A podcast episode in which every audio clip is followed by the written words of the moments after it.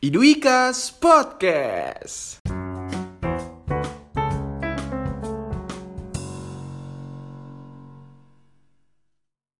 Selamat datang di Iduikas Podcast, mengulas serba-serbi kehidupan Duta Wisata Kabupaten Semarang. Nah, akhirnya Iduikas punya podcast nih. Jadi nantinya podcast ini bakal ngomongin apa aja mengenai kehidupan Duta Wisata Kabupaten Semarang bareng sosok-sosok alumni atau tokoh-tokoh yang selama ini berjasa bagi Iduikas. Nah, untuk episode kali ini, episode yang paling pertama, kita kehadiran salah satu sosok yang wah, keren banget pastinya. Siapa lagi kalau bukan Mas Gideon. Halo Mas Deon. Halo Bintang. Gimana Selamat. nih kabarnya?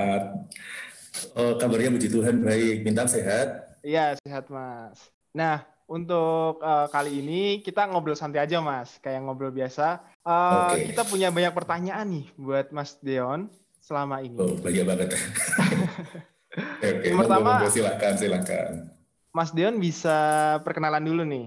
Iya, halo semuanya para pendengar podcast Idu Wikas.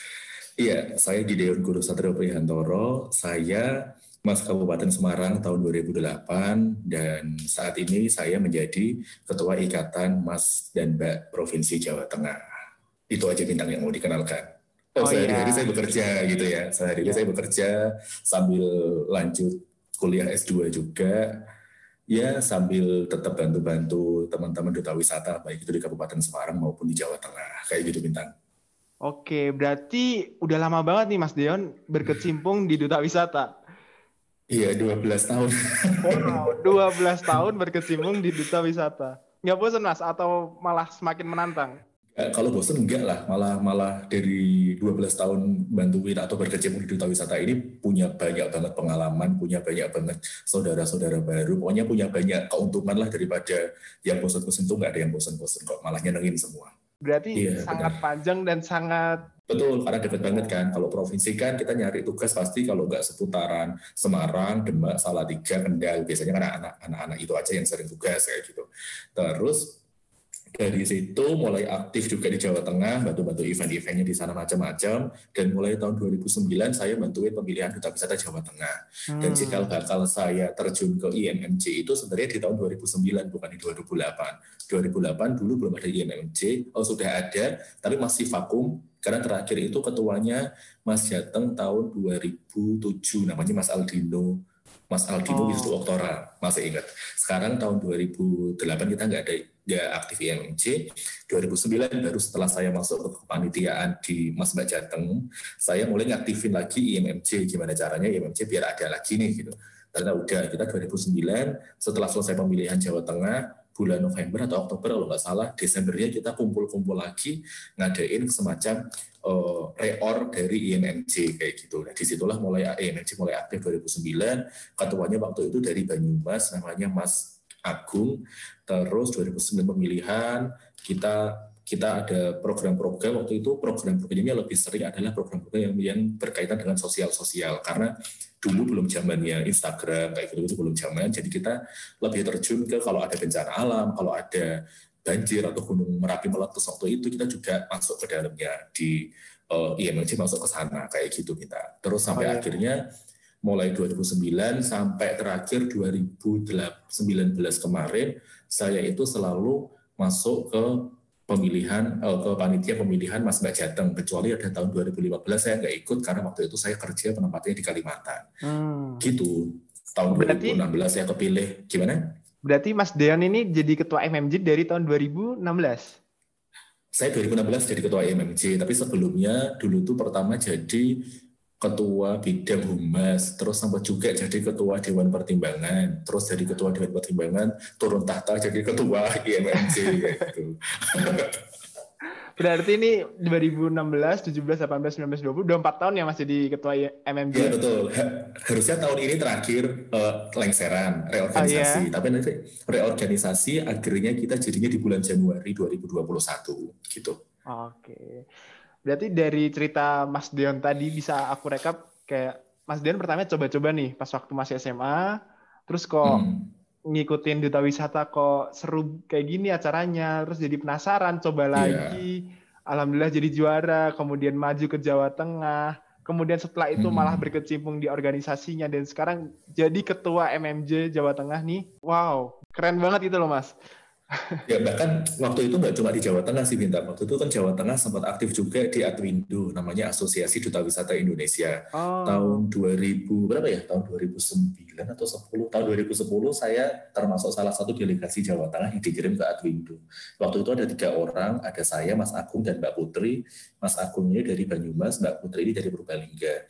Dan kita bertiga masuk ke Atwindo, kita jadi pengurus sih. Pertama tuh, pertama masuk, aku tuh jadi pengurus bidang sen- seni dan budaya. Mengurusin Hmm. bidang seni dan budaya. Terus kita ada reorganisasi tahun 2013, masih ingat tahun 2013, Kongres Atwindo itu ada di Kabupaten Semarang, ada di Jawa Tengah. Waktu Iya. itu kita lokasinya pilih di Bandungan, dan dari situ saya kepilih jadi ketua satu Asosiasi Duta Wisata Indonesia. Tapi seharusnya jabatannya tiga atau empat tahun, saya lupa. Cuman saya tahun pertama, setelah saya selesai setahun, saya mengundurkan diri sih, karena eh, kayak ada beberapa yang nggak sepaham lagi kayak gitu. oh gitu Mas. Ya oke. Iya, Berarti kiprahnya di duta wisata nih bahkan ke, sampai ke tingkat nasional ya Mas. Iya, meskipun nggak Wah. menang juara satu Jawa Tengah, tapi dikasih kesempatan sama Jawa Tengah buat eh, aktif di Atwindo juga. Di Atwindo tuh enak banget, kita punya banyak teman dari seluruh Indonesia, Hmm. yang bahkan sampai sekarang kita masih temenan nih, ada dari Bali, ketua Bahkan kalau misalnya jalan-jalan ke suatu daerah, gitu. Terus kayak gitu malahan ditawarin gitu loh. Emang emang masih bisa ikut lagi, Bu? Saya tanya gitu. Masih bisa kok selama kamu nggak juara satu, masih bisa daftar lagi. Terus udah, yaudah deh nggak apa-apa, aku, aku tak ikut lagi ya Bu. Gitu. Terus ikut lagi. Terus sama Bunda ditanyain sama Bunda Rita, e, Nang targetmu tahun ini apa buat ikut duta wisata kayak gitu kan. Targetku sih ini pun cuma pengen punya selempang, selempang apa pun itu nggak harus juara satu. Saya saya bilang gitu. Karena Iya, dari iya. tahun 2000 dari tahun 2007 zaman tugas itu selalu pinjam selempang dinas kan. Oh, dari dinas ya, pakai selempang dinas. Bener, kok nggak punya selempang sendiri kan aneh gitu. Makanya Iya. 2008 ikut lagi cita-citanya pengen dapat selempang gitu. Eh malah puji Tuhannya menang dapat juara persahabatan sama dapat juara satu. Terus dari situ 2008 maju ke Jawa Tengah.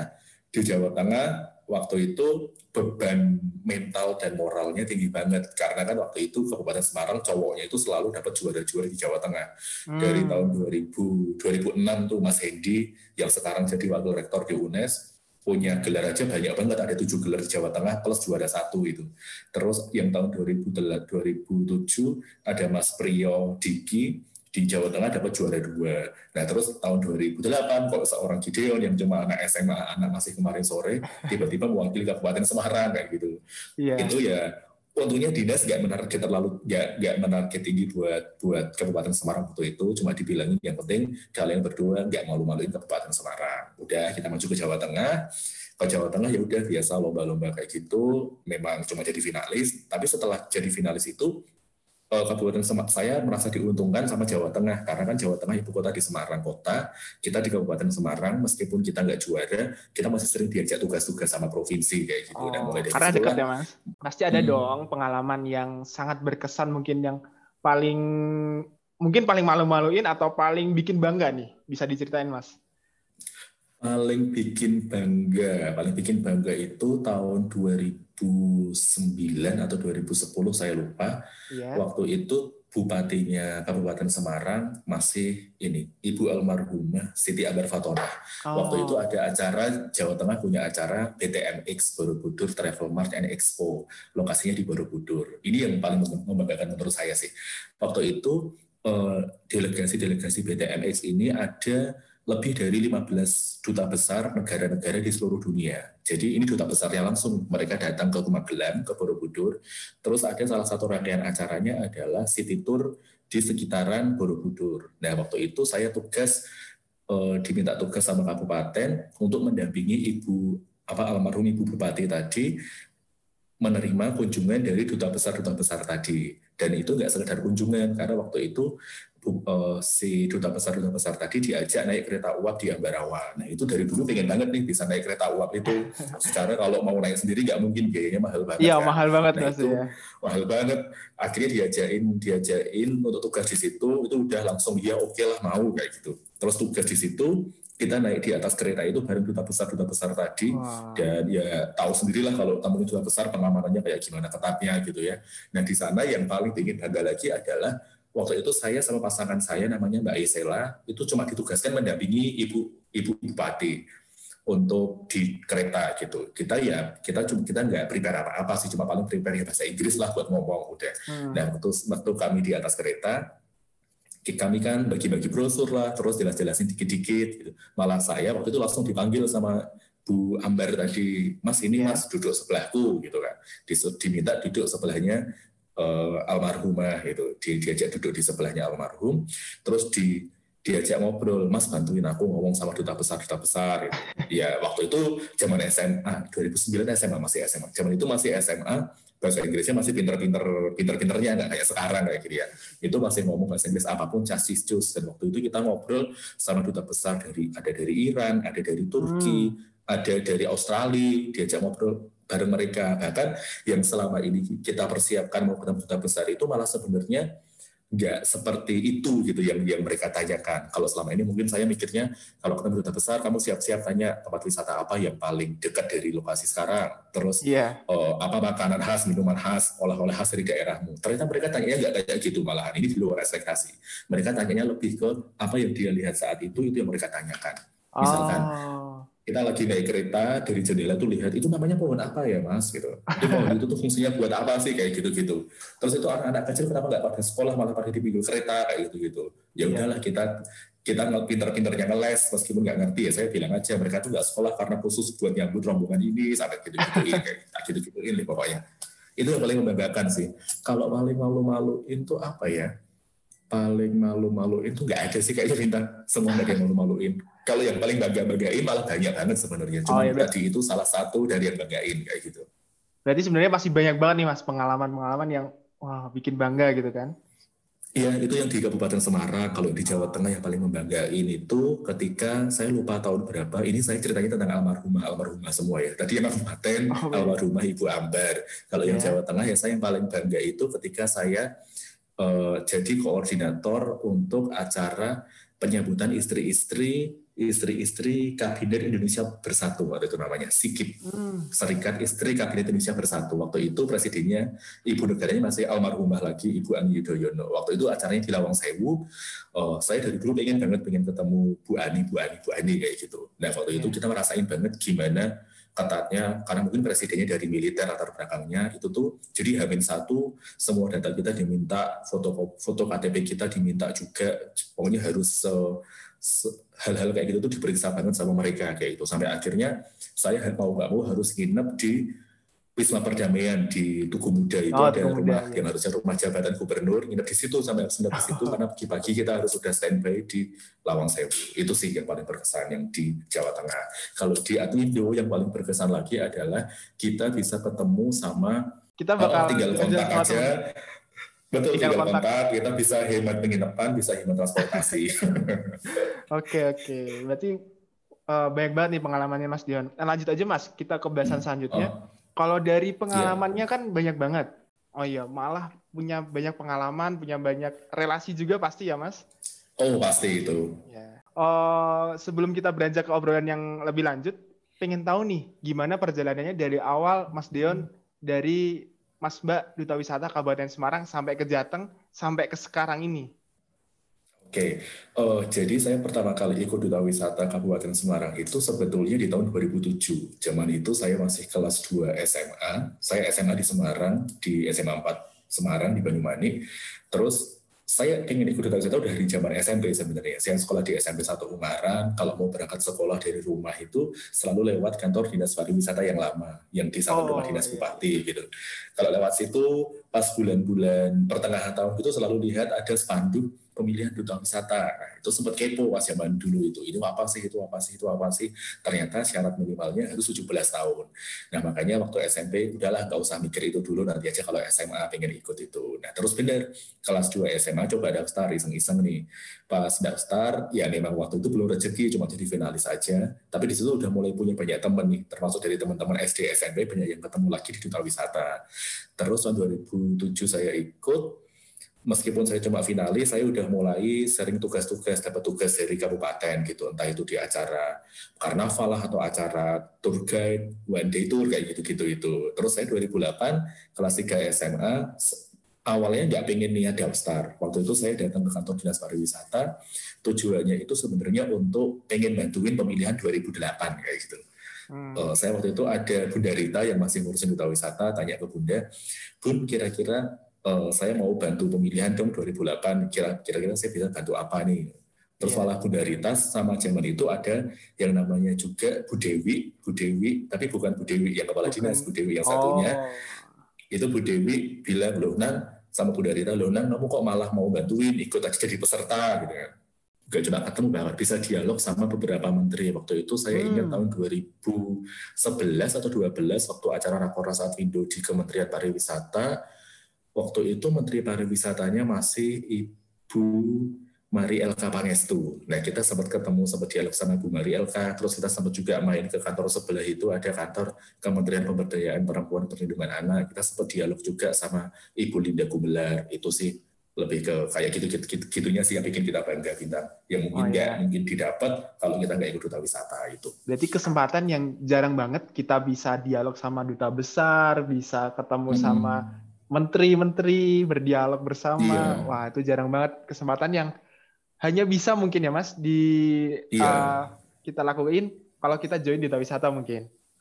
Iya, itu pada zaman itu loh. Kalau zaman sekarang mungkin akan lebih mudah. Kita sekedar nyapa menteri atau presiden pun lewat sosial media itu gampang banget. Zaman dulu kan nggak ada sosial media ya, makanya itu kesempatan yeah. menurutku berharga banget gitu, Minta. Iya.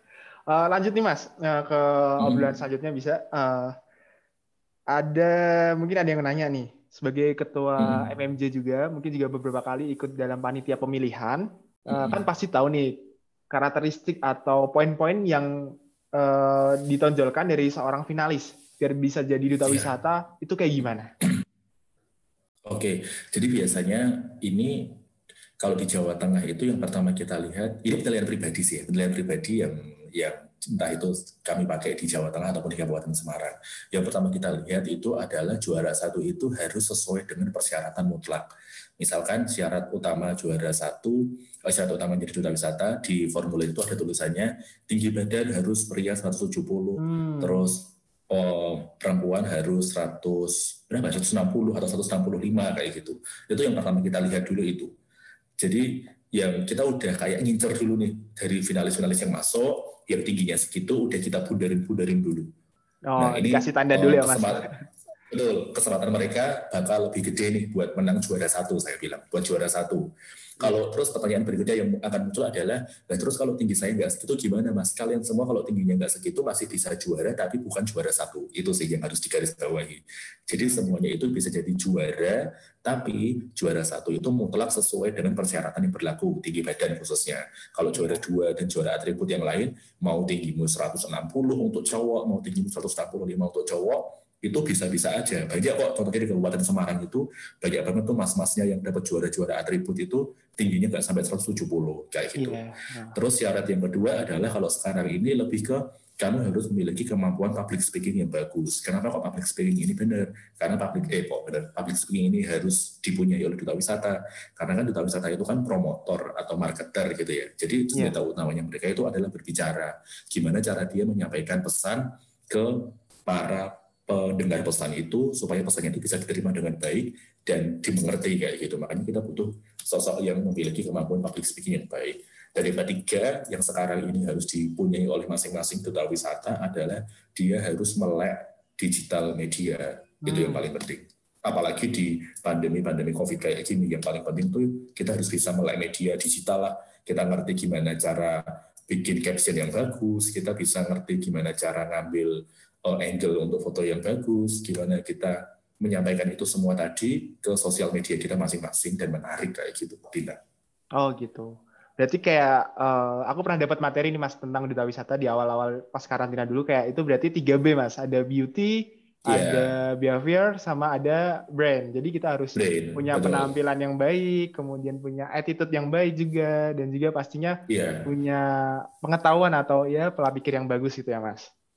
Iya, beauty-nya diwakilin sama tinggi badan berat, uh, tinggi badan tadi, terus oh, iya. apa namanya, brain-nya diwakili dari tadi gimana caramu melek media digital tadi, terus uh, behavior-nya ya kamu harus bertingkah laku yang ya nggak buruk-buruk amat lah, buruk boleh tapi jangan sampai kebangetan kayak gitu. Karena kalau iya. udah kepilih jadi duta, kamu tuh cerminan dari daerah yang kamu wakili kayak gitu, Bintang.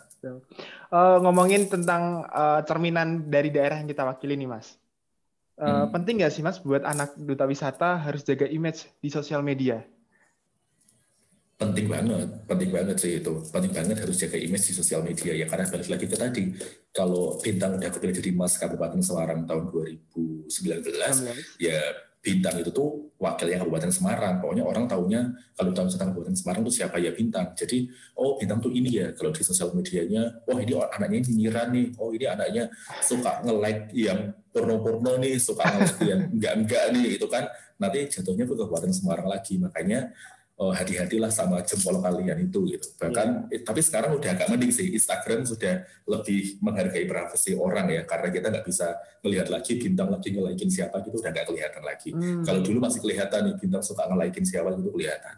Oh, gitu. Tapi tetap harus hati-hati lah, apalagi ya, di akun-akun yang isinya adu domba, adu domba atau hinaan-hinaan seperti seperti yang suka ini apa namanya himpong-himpong jadul itu kadang kita suka pancing untuk ikut nyinyir ke sana. Saya masih kadang suka nyinyir sih, tapi ya kalau pas kamu jadi duta wisata di tahun itu ya kamu kurang-kurangin lah nyinyir-nyinyirnya kayak gitu benar. Jadi kalau misal kita jadi duta wisata kita harus netral ya mas, tetap harus profesional biar Betul. jadi cermin lah buat daerah kita gitu. Betul, apalagi untuk hal-hal yang sensitif tentang seperti misalkan pilihan politik ya itu harus nah, juga ini uh, agak sedikit hati-hati. Kayak kemarin misalkan Kabupaten Semarang habis pilkada mau pilih bison atau ngebas, itu kalau kamu lagi menjabat, kamu hati-hati gitu. Maksudnya ya. uh, nggak nggak usah memihak memihak kepada satu pihak kayak gitu. Betul. Kalau saya mah udah bebas, udah nggak mikir gitu-gitu ya, saya mau mihak si A si B ya, saya ngomong kayak gitu, ngomong apa adanya. Apalagi kita kalau orang lama di Kabupaten Semarang, kita bisa melihat sih mana orang yang benar-benar bisa kayak gitu sih kita. Oh, Oke. Okay. Oke Mas, berarti tetap harus profesional intinya gitu ya Mas? Betul, iya benar. Lanjut nih, uh, banyak hmm. orang yang ngelihat duta wisata tuh tugasnya cuma jadi among tamu, cuma jadi pelengkap pemanis suatu acara dinas gitu Mas. Tapi sebenarnya apa sih tugas duta wisata? Idowika kan udah mulai udah mulai kayak gitu kan. Jadi yeah. sekarang kan nggak cuma sekedar uh, among tamu atau sekedar bawain nampan untuk pejabat, untuk Pak Bupati mukul gong itu enggak kan. Sekarang bahkan akhir-akhir ini banyak sekali event yang melibatkan Idowika itu sebagai MC-nya, sebagai penari pengisi acara tarinya kayak gitu kan. Itu udah yeah. kemajuan banget untuk Idowika kayak gitu sih Bintang. Ya kemarin aku juga dapat pengalaman aku jadi MC mas buat promosi di Cirebon, kemudian nari juga, jadi belajar nari lebih dalam lagi. Nah itu jadi salah yeah. satu uh, tugas atau yang harus dilakukan oleh duta wisata gitu. Betul, investasi. Oke. Okay. Uh, eh, berarti juga aku mau rekap juga tadi bahwa duta wisata bisa diberdayakan, mungkin dari MC kita punya public speaking mm yang bagus, kemudian dari materi kita punya pengetahuan tentang pariwisata sebenarnya bisa dimanfaatkan untuk beberapa acara dan lain sebagainya gitu ya Mas. Pertanyaan terakhir, pesan iya. buat anak-anak duta wisata. Meskipun kita nggak yeah. punya gaji tetap dari dinas pariwisata, tapi kita kita tuh tetap mau berkontribusi untuk pariwisata Kabupaten Semarang kayak gitu sih yeah. sebenarnya. Duta wisata tuh harus kayak gitu, nggak boleh kamu jadi duta wisata yang gue pikirin tuh cuma gaji-gaji atau amplop-amplop ceria ketika kamu bertugas dengan itu yang dipikirin lah kalau kamu mau jadi duta wisata mikirnya itu kamu salah jurusan. Kamu mending cari pekerjaan lain masuk ke agensi model lah atau masuk ke apa pun yang mengharapkan duit kayak gitu ya. Tapi kalau kamu mau jadi duta wisata kamu harus siap berkontribusi entah itu mau dibayar atau nggak dibayar. Jadikan ini sebagai kewajiban bukan jadikan duta wisata sebagai pekerjaan. Itu yang paling penting. Wah ini pesan dari Mas Dion ini sangat ngena banget nih buat teman-teman duta wisata yang dengerin ini mungkin bisa di flashback lagi apakah kita selama ini udah menjalankan kewajiban kita. uh, lanjut mas, ini mungkin. Iya, uh, ini sempat juga kita gaungkan di provinsi waktu itu zaman kepala seksinya masih Ibu Martini. Saya sempat bilang ke beliau, Bu bisa nggak sih Bu kalau duta wisata itu tugasnya nggak cuma sekedar pegang nampan atau pegang payung atau pegang pukulan gong kayak gitu-gitu. Yeah ya gak, ya terus Ibu Martini bilang nggak apa-apa deh coba digali aja di kira-kira uh, di tahun satu bisa ngapain aja kita bisa macam-macam loh Bu saya bilang gitu kan sampai akhirnya coba deh kamu bikin bikin proposal kegiatan yang nunjukin kalau duta wisata bisa macam-macam kayak gitu. Udah hmm. ternyata bener. Waktu itu saya ditantang ini di provinsi sih di Kabupaten Semarang saya belum pernah belum pernah ngelakuin ini sih. Karena waktu itu saya lebih banyak suka aktif di provinsi sih. Waktu itu saya dari itu ditantang kayak gitu, terus saya ngobrol ke beberapa teman, ada Mas Roy wakil wakil wakil ketua saya, terus ada namanya Mbak Mariska sama ada namanya Mbak Neta. Kita ngobrol-ngobrol berempat, eh yuk kita ngapain yuk biar duta wisata bisa dipandang orang tuh kalau kita nggak cuma sekedar pajangan tok saya bilang gitu. Hmm. Oke, okay, akhirnya kita kita bikin bikin program. Kita bikin program itu namanya aksi promosi Ikatan Mas Mbak Jawa Tengah. Waktu itu kita pakai hashtag itu. Terus kita di program yang pertama kita bikin aksi promosi Ikatan Mas Mbak Jawa Tengah itu kita bikin lokusnya atau lokasinya bikin di provinsi Bali. Terus yeah. pesertanya itu uh, kita di Bali tapi kita sebagai tuan rumah Jawa Tengah sebagai tuan rumah kita kayak hmm. apa ya kita kayak sales vision kayak gitu dan lari ke Bali kita di sana terus di sana ya kita undang siapa yang kita undang itu ada dari himpunan pramu wisata Bali ada dari Asita Bali ada dari Jeket Bagus Bali, terus ada dari Dinas Pendidikan Bali, sama juga Dinas Pariwisata Bali.